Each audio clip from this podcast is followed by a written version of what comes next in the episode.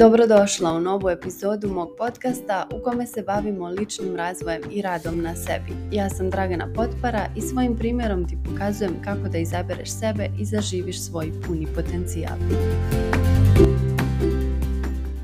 Uzmi svesku i hemisku i zapiši odgovore na pitanja koja ću ti postaviti u današnjoj podcast epizodi ta pitanja služe da ti malo pročačkaju mozak, da malo prodrmaju tvoje razmišljanje i da te malo navedu da se zapitaš na koji način ti živiš, na koji način donosiš svoje odluke, na koji način praviš izbore i preduzimaš akcije, na koji način i zašto i zbog koga praviš određene korake u svom životu.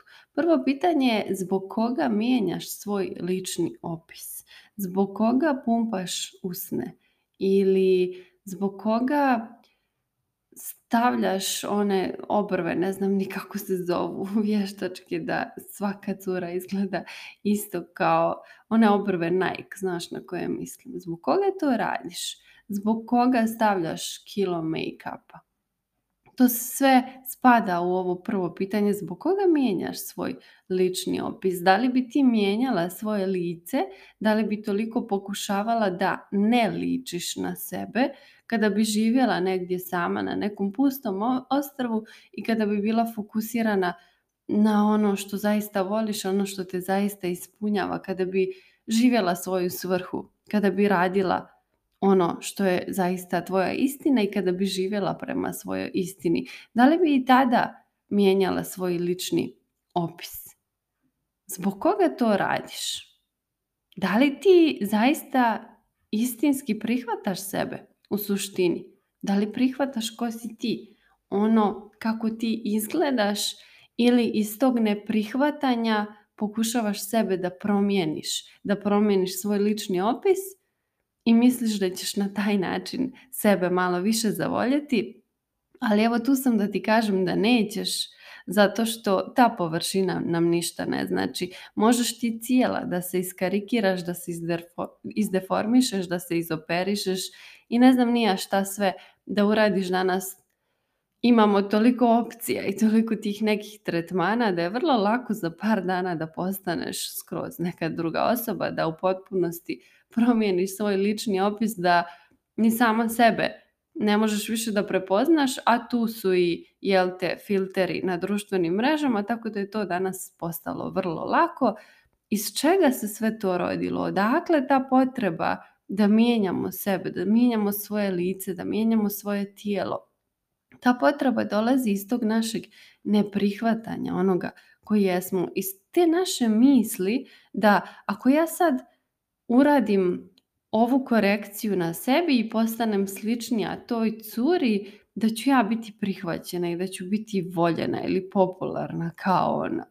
A ja u suštini ne znam da ta cura ima neke svoje frustracije i svoje neke probleme i da samo na izgled izgleda kao ona super, srećna, ali nije srećna.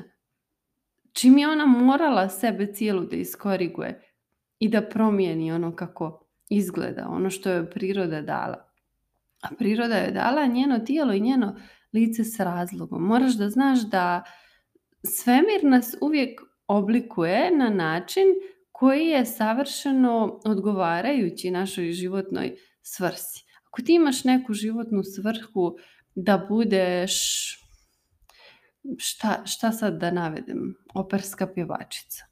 Svemir će ti da, da ti da tačno takvo tijelo, tačan takav govorni aparat, tačno takvo lice koje ti je potrebno da živiš tu svoju životnu svrhu i misiju. I to je vrlo jasno kada ti vidiš ljude koji zaista žive svoje pravo životno poslanstvo, koji zaista žive svoju životnu svrhu, vrlo ti je jasno i očigledno zašto oni imaju baš takvo lice i baš takvo tijelo. Ali danas, nažalost, na svijetu 90% ljudi ne radi to što je zaista njihov poziv i što je zaista njihova svrha i 90% ljudi pokušava da pronađe to prihvatanje sebe negdje izvana, negdje spolja, a jedan od načina na koji pogotovo žene traže to prihvatanje jeste kroz korekciju sebe i kroz mijenjanje svog ličnog opisa. Ono što je bitno da znaš da kada ti promeniš sebi, promeniš svoj lični opis, to više nisi ti. To više nije ona prava, istinska ti. I onda naravno ne možeš da očekuješ da u svom životu imaš prave odnose. Zato što kako da neprava ti privuče pravu osobu? I onda se pitaš zašto uvijek ne ilaziš na pogrešne partnere, zašto nemaš iskrene prijatelje. Evo ti još jedno pitanje za razmišljanje. Sljedeće pitanje je zbog koga treniraš? Da li ti zaista voliš da treniraš, da se baviš nekom fizičkom aktivnošću? Da li to zaista radiš iz ljubavi prema sebi?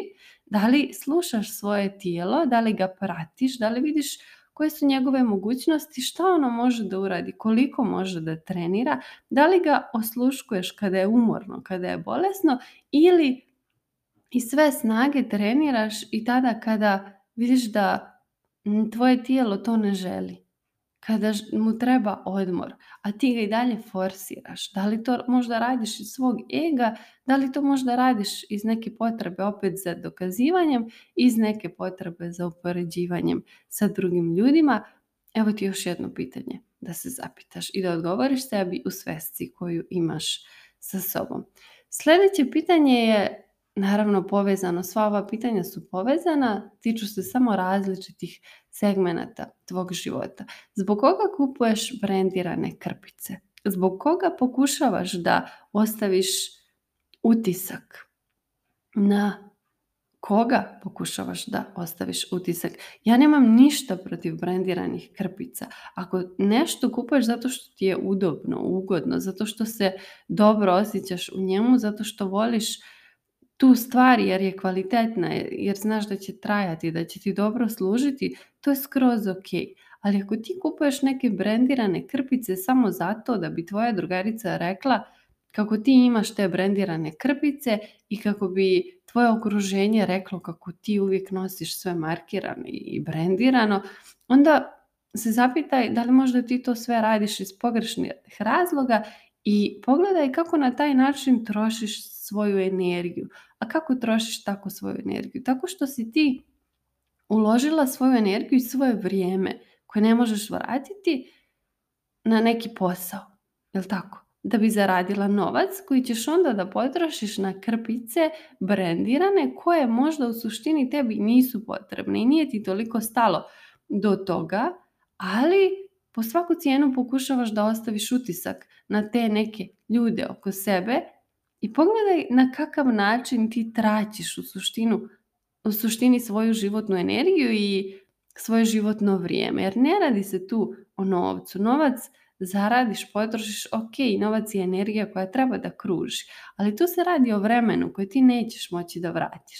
I radi se o tvojoj životnoj energiji koju si potrošila na taj posao koji možda čak i ne voliš i onda si zaradila tu platu i potrošila si je na ove krpice da bi zadivila tamo neku komšinicu ili neku osobu koju ćeš sresti u gradu. Pogledaj malo šta ti to radiš. Preispitaj malo te svoje namjere i te svoje akcije.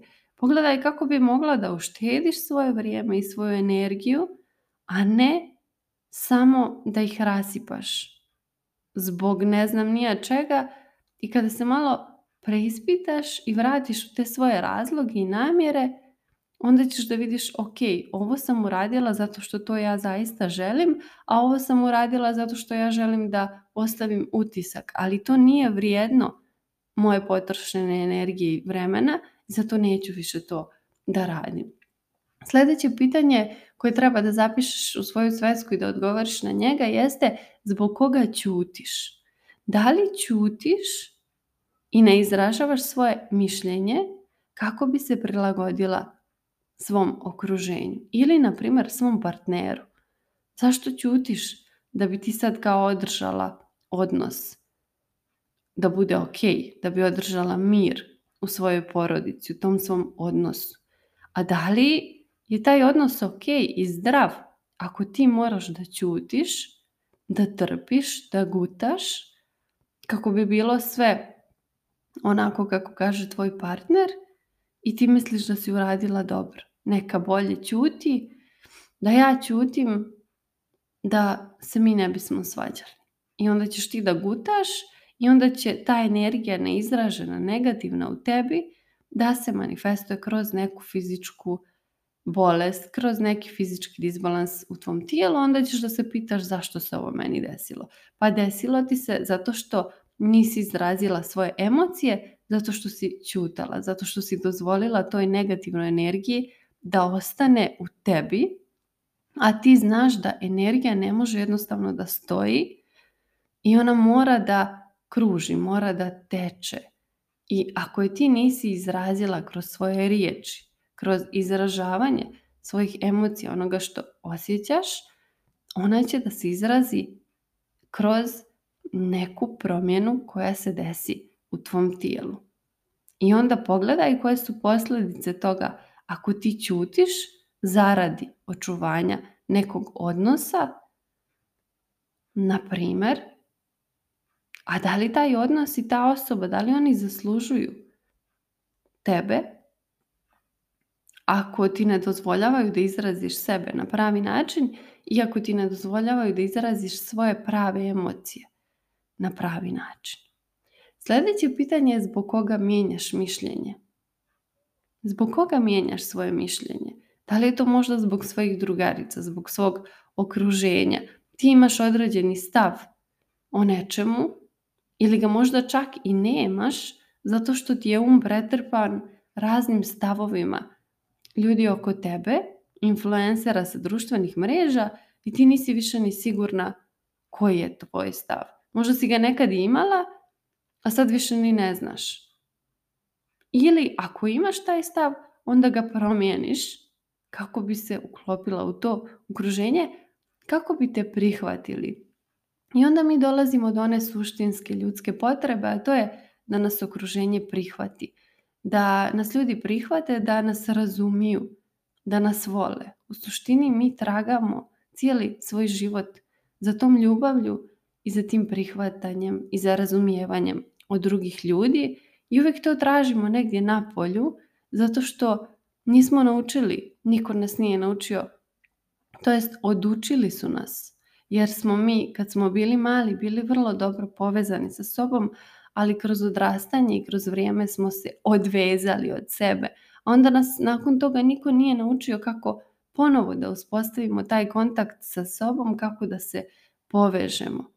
I onda mi tu ljubav koju bismo inače crpili iz tog odnosa sa sobom, iz tog unutrašnjeg mira, iz tog unutrašnjeg istinskog prihvatanja, mi onda sve to tražimo s polja, tražimo kod drugih ljudi koji nisu tu da nas razumiju, jer svako ima svoj neki razlog postojanja, svoju neku svrhu i svoje razmišljanje i svako je različit s razlogom da bi ovaj svijet i ova planeta da bi bili raznoliki. I mi onda tražimo to prihvatanje i prelagođavamo se, mijenjamo se, tragamo za tim njihovim razumijevanjem i zbog toga mijenjamo svoje mišljenje, a ne razumijemo da koliko god sad ja promijenim mišljenja, uvijek će da bude barem jedna osoba u okruženju koja se to moje čak i promijenjeno mišljenje neće svidjeti. Jer nikada ne mogu da se dopadnem, svima i nikada moje razmišljanje ne može da se uklopi u svačije razmišljanje i da bude podudarno sa njihovim razmišljanjem. Zato što jesmo tu da imamo različita razmišljanja, da ova planeta i ljudska rasa doživljava ekspanziju na sve moguće različite načine a pogledaj kako ti usporavaš tu ekspanziju planete i svemira, ne samo planete i svemira, već i sebe, dakle ne samo planete Zemlje, već i sebe, zato što ti mijenjaš svoje mišljenje, mijenjaš ono ko si ti zaista, mijenjaš svoju istinu, mijenjaš svoju suštinu da bi se uklopila jer tragaš za prihvatanjem a u suštini samo treba da shvatiš da ne treba da tražiš to prihvatanje s polja, već da se vratiš unutra i da pokušaš ponovo da naučiš ko si ti, da otkriješ ko si ti, da ponovo zavoliš sebe i da ostvariš i ojačaš taj kontakt sa sobom. Sljedeće pitanje je zbog koga ostaješ u toksičnom odnosu i povezano je sa onim pitanjem zbog koga ćutiš? Da li je možda tvoj izgovor ostajanja u toksičnom odnosu da, djeca? Da li su djeca tvoj izgovor? A ne shvataš da je zbog djece bolje da prekineš taj odnos zato što ćeš time da poštediš svoju djecu patnje i raznih trauma. I onda će ta djeca puna tih trauma da odrastu u osobe koje kasnije imaju razne blokade i razne kočnice u životu i nisu svjesni odakle to dolazi, a to dolazi iz tog odnosa njegovih roditelja, iz te odluke njegove majke koja nije željela da prekine taj toksični odnos zbog djece. A napravila je toj djeci goru stvar i onda to malo preispitaj. Ako želiš da odgajaš zdravu djecu, prije svega psihički i mentalno, onda pogledaj u kakvom okruženju ta djeca žive. Ako je to okruženje zamaskirano nekim brakom i ako pokušavaš da ostaviš utisak opet pred drugim ljudima kako super biste jedna kompletna formirana porodica, a unutra se sve raspada i djeca pate zbog toga, onda opet malo preispitaj svoju odluku zbog koga radiš to što radiš. Da li ti zaista ostaješ u tom odnosu zbog te djece ili zbog okruženja, zbog tvog straha šta će reći sad okolina, šta će reći komšije, šta će reći prijatelji, šta će reći rođaci. Jer da ti zaista preduzimaš te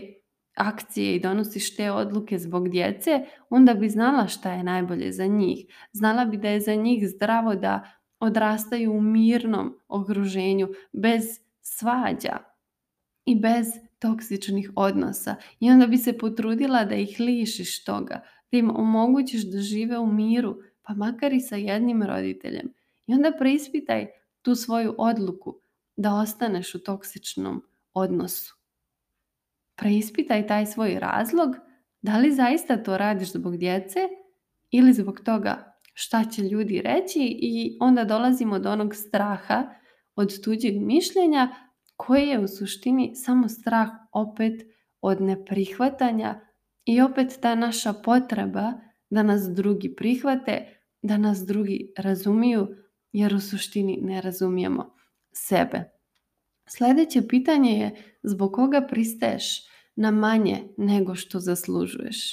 Da li su to možda tvoji roditelji? Da li su to možda neki tvoji autoriteti koji su ti cijeli život govorili nemoj da, kako ide ono, ne leti, ko visoko leti, nisko pada, šta ti samo sanjariš, nemoj previše da očekuješ, onda ćeš da se razočaraš. Ne moraju te osobe da budu loše, niti da ti to govore iz loše namjere, oni ti svakako žele dobro i oni misle da ti to govore za tvoje dobro, a nisu svjesni da ti to govore iz svojih nekih strahova, iz svojih mentalnih blokada koje njima ne dozvoljavaju da žive svoje snove, i da žive svoju istinsku svrhu i naravno da oni iz te svoje perspektive gledaju na svijet, gledaju na život i tu svoju perspektivu dijele sa svima. I to je vrlo opasno ako takve osobe imaju veliki i važan uticaj na tebe i na tvoj život i ako ti cijeniš njihovo mišljenje, onda su te njihove riječi vrlo opasne jer mogu da budu tvoji najveći saboteri koji će da te sputaju u tome da ti zaživi život onako kako želiš, da živiš svoje snove i onda ti bi imala neke velike ideje, veliku viziju, velike snove, ali pošto ti svi oko tebe govore kako to nije moguće, kako treba da se malo smiriš, zašto si ti drugačija, uvijek ti moraš nešto sad da štrčeš, svi su isti, svi se slažu, uvijek se ti nešto buniš, uvijek tebi nešto smeta. Budi skromna, najopasnije riječi. I onda ti pristaješ manje nego na ono što zaslužuješ zbog svih tih komentara i zato što opet nemaš dovoljno ojačan odnos sa sobom da vidiš da ti ti komentari nisu bitni i da ne treba da utiču na tvoje odluke, na tvoje izbore, zato što ako ti živiš svoju istinu i ako živiš ono što nosiš u sebi, nema potrebe onda da se smanjuješ i da se prilagođavaš, da se uklapaš, da tragaš za prihvatanjem jer ćeš sve to imati u sebi to prihvatanje i tu ljubav. I onda se malo zapitaj zbog koga pristaješ na manje. Ili čak, iako ti roditelji ti danas više to ne govore, ali su ti govorili to tokom odrastanja i ti si to usvojila kao neku svoju životnu istinu, ti si to instalirala u svoj um kao neki mentalni program koji te i dalje kontroliše i ono što znamo da radimo jeste i kada nema te osobe koja je inicirala tu sugestiju, koja je usadila u tvoj um, kada te osobe više nema, onda mi nastavimo sami sebi to da radimo, onda sami postanemo ta osoba koja će da nam kaže previše si ti polećela, ajde prizemlji se malo, spusti se na zemlju i onda mi pristajemo na manje nego što zaslužujemo.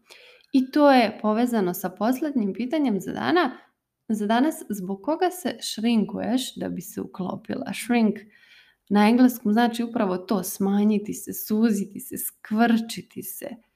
Da li si bila ona osoba u školi koja je uvijek bila drugačija, uvijek bila čudna na neki način i onda si ti morala da bi se uklopila u to društvo i u to okruženje, da morala si nekako sebe da umanjiš, da smanjiš, da svoje razmišljanje malo preokviriš i da ga spustiš na nivo njihovog razmišljanja, ali pogledaj da li je to pravi način i pogledaj šta ti time sebi radiš. Daću ti jedan primjer.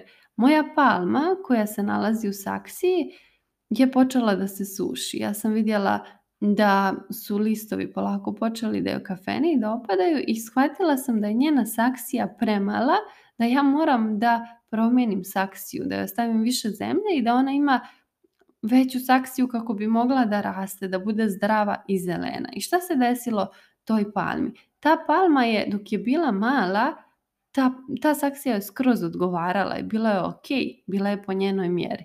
Ali kada je ta saksija, ta palma porasla, i prerasla tu saksiju, ona je počela da se suši. Zašto? Zato što saksija i ta količina zemlje nije mogla da je podrži. Šta se tu desilo? Palma je prerasla svoje okruženje i počela je da se suši zato što njeno okruženje nije moglo da je podrži. Upravo to želim da ti kažem sada za kraj.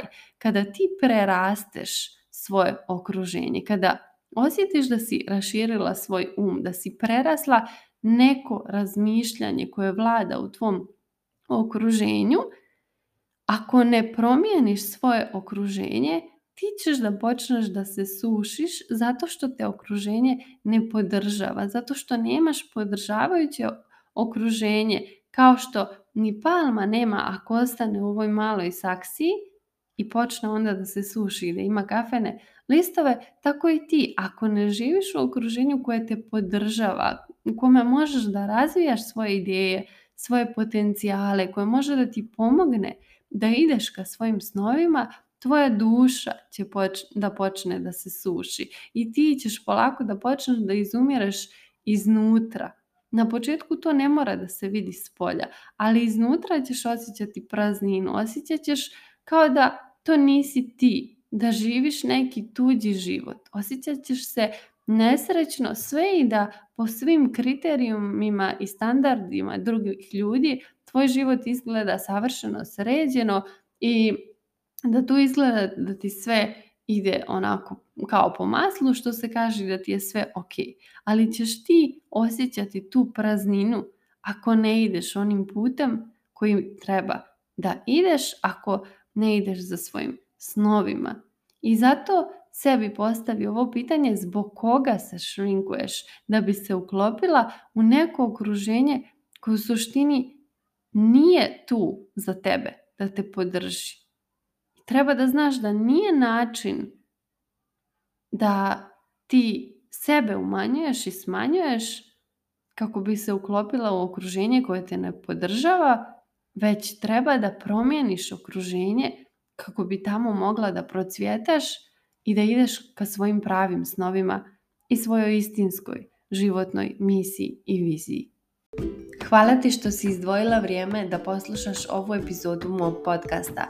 Ako su ti teme koje obrađujem zanimljive i želiš da radiš sa mnom, najbolji način da budeš u toku sa svim novostima je newsletter na koji se možeš prijaviti na mom Instagram profilu.